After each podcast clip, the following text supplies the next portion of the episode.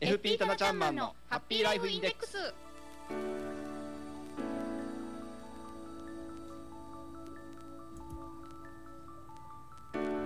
FP かなちゃんマンのハッピーライフインデックス」この時間はあなたの夢と未来をトータルサポートするライフサポート有限会社の提供でお送りします。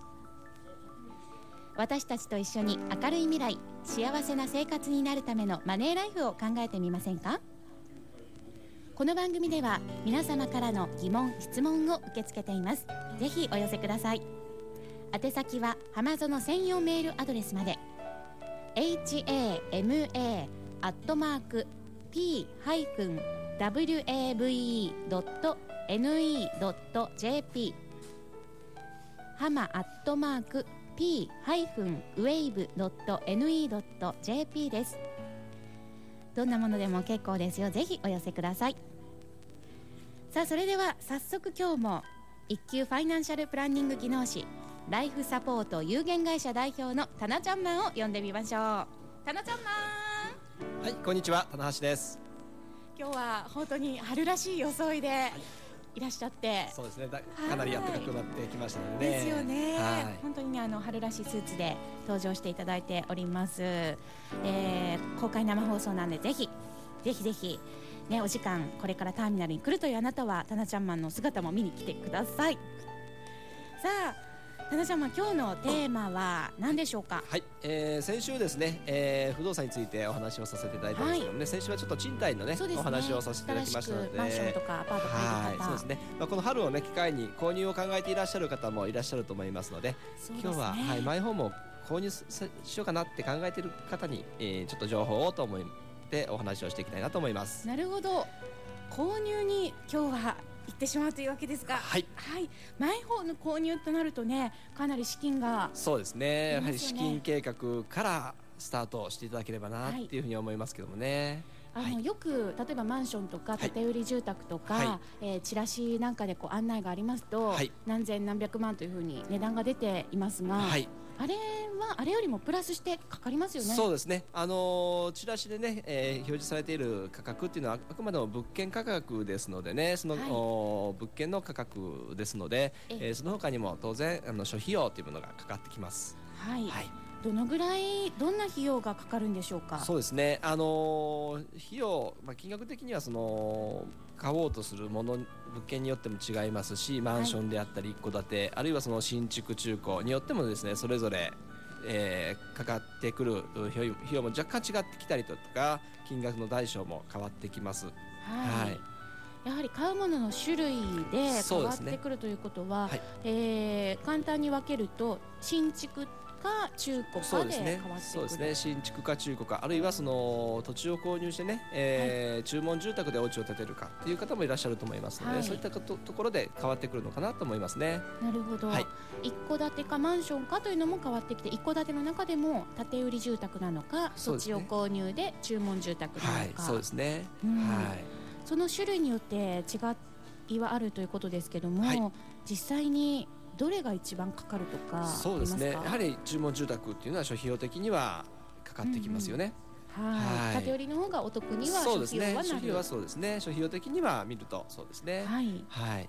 大体、えー、どのくらいというか例えば購入物件価格の何パーセントぐらい？そうですね。おおむねですね、新築物件の場合ですと、おおむね、えー物件価格のおー4%ぐらいですね。うんうんうん。で中古住宅の場合ですと、おおむね7%から8%ぐらい初期諸費用として、えーみ見ないといけないのかなっていうイメージで思っていただければいいのかなと思います。はい、はい。そういったことも考慮に入れて、はい。えー資金計画を立てる必要があるんですよね。そうですね。なかなはか具体的にそれがねこうイメージできにくい方が多いかそうなと、ですね。うんはい。思うんですけれども、えー金額はやっぱりそのものの金額とかねい。そうですね。ものによっても違います。ね然あの資金計画によってもね若干前後はするんですよね。あの自己資金の多い方ですと、おはい住宅ローンのね、えーローン組まれる金額が少ない方ですと、その分ローンにかかる費用っていうのもありますので、ええー銀行さんの方にもですね、あの諸費用というのがかかりますので、うんうんえーそういったものがあー低くなりますので、はい若干その資金計画によっても前後はするところはあります。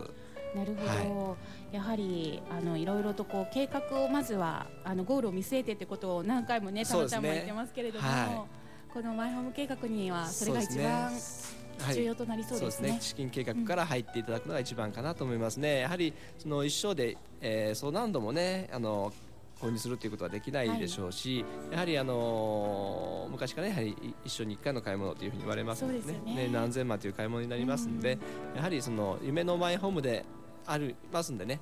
やはりそのしっかりとしたあのマイホーム家っていうね箱を買うんではなくてそこで育まれるね家庭生活を買うんだという気持ちで買っていただければより良いですね資金計画もできるのかなと思いますけれどもね。そうですね。はい。今日も素敵な言葉を 聞きましたけれども、あ実際でもその家を選ぶ時のポイントみたいなものってありますか？そうですね。やはりもう家をあの選ぶ時のポイントっていうのはやはり賃貸でも売買でも同じだと思うんですけれども、はい、あの気に入ったものがあればですね、えー、やはり時間帯を変えて見に行ったりだとか。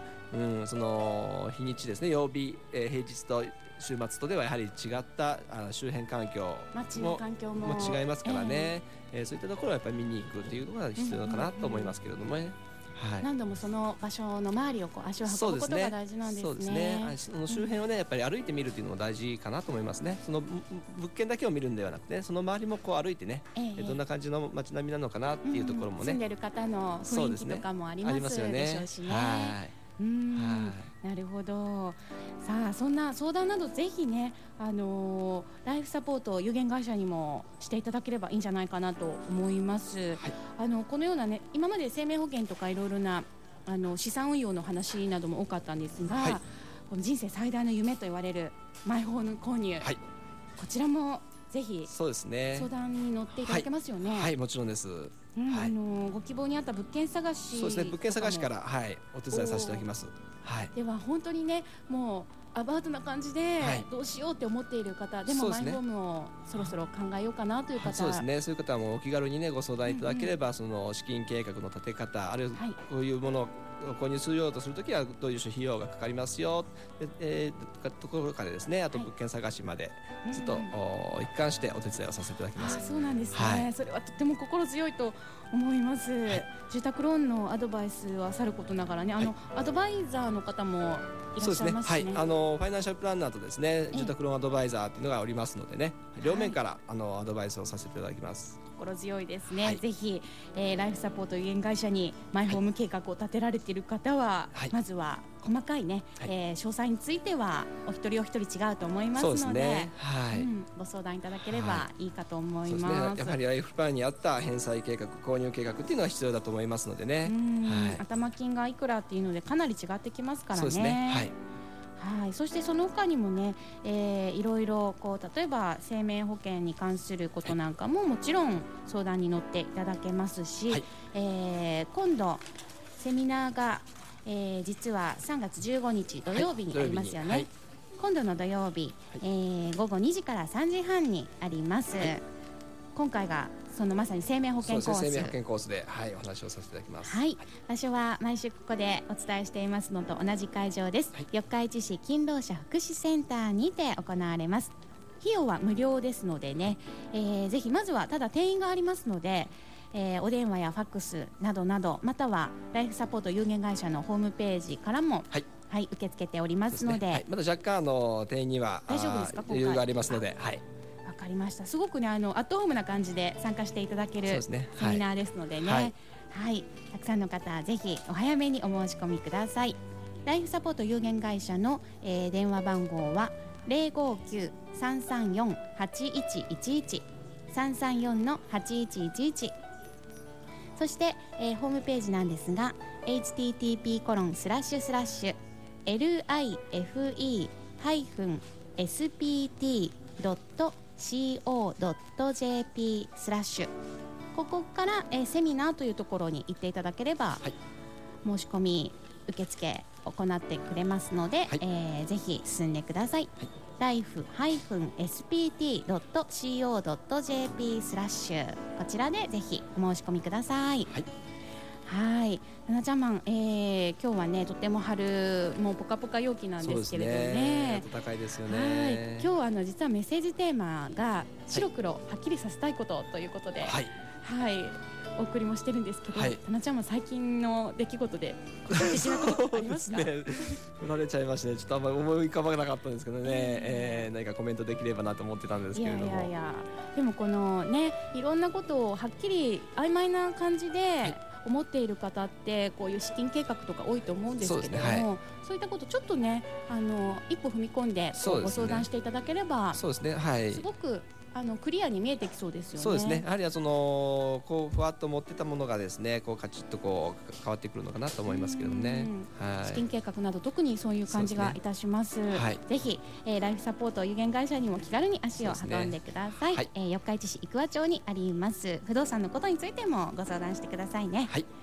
はい、えー今日もたくさんのお話を参考になるものを伺いましたけれども、はいマイホームの購入これに大切なことはそうですね。まずは資金計画からですね。はい。しっかりとお考えて購入をしましょうということですね。はい、はい諸経費などもいろいろと、えー相談してみてください、はい FP タナちゃんマンのハッピーライフインデックスこの時間はあなたの夢と未来をトータルサポートするライフサポート有限会社の提供で浜園サテライトスタジオよりお送りをいたしました。ぜひねあのー皆さんからの疑問質問などもこの番組にも直接お寄せください。